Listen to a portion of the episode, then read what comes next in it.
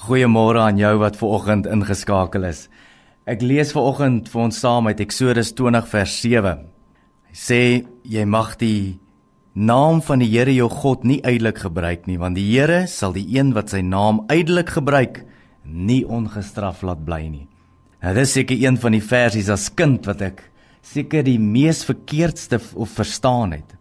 Moenie God se naam uiterlik misbruik nie. Ek het gedink die opdrag het baie meer 'n spesifieke en 'n bepaalde waarheid.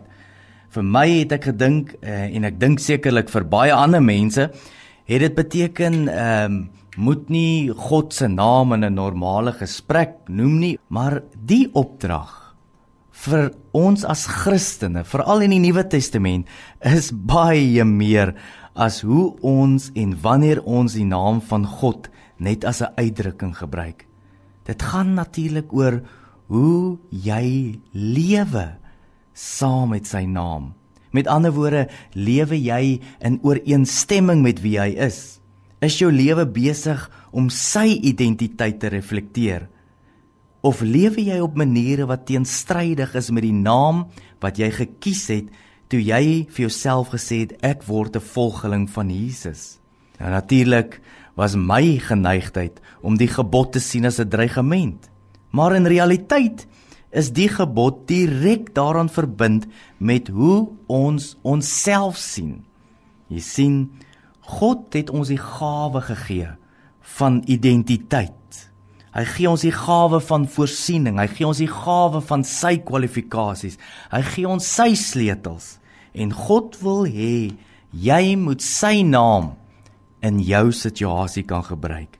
God wil hê jy moet sy naam in jou swakheid gebruik. God wil hê jy moet sy naam in jou nood gebruik.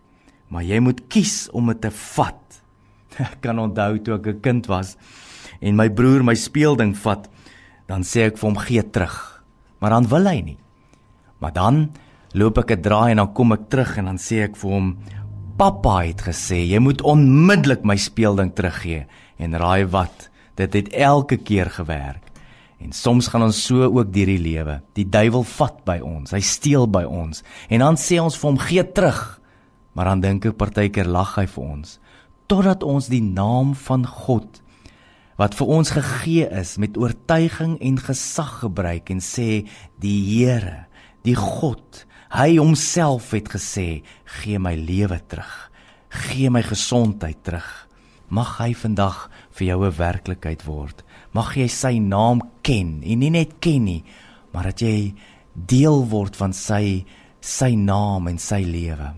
Dankie Here dat ons vandag u naam kan ken.